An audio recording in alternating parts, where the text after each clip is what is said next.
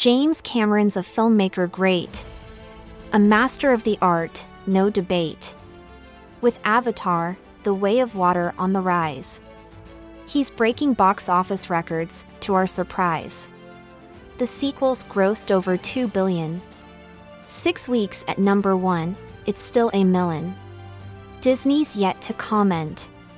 But the film's financial feat is cement. Cameron's no stranger to success. His films are a cinematic impress. Avatar and Titanic too. In the billion dollar club, it's true.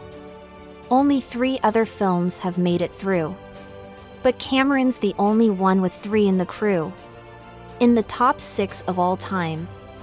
His films are a cinematic prime. With more Avatar sequels on the way. Cameron's career's here to stay. We can't wait to see what this filmmaker's next move will be.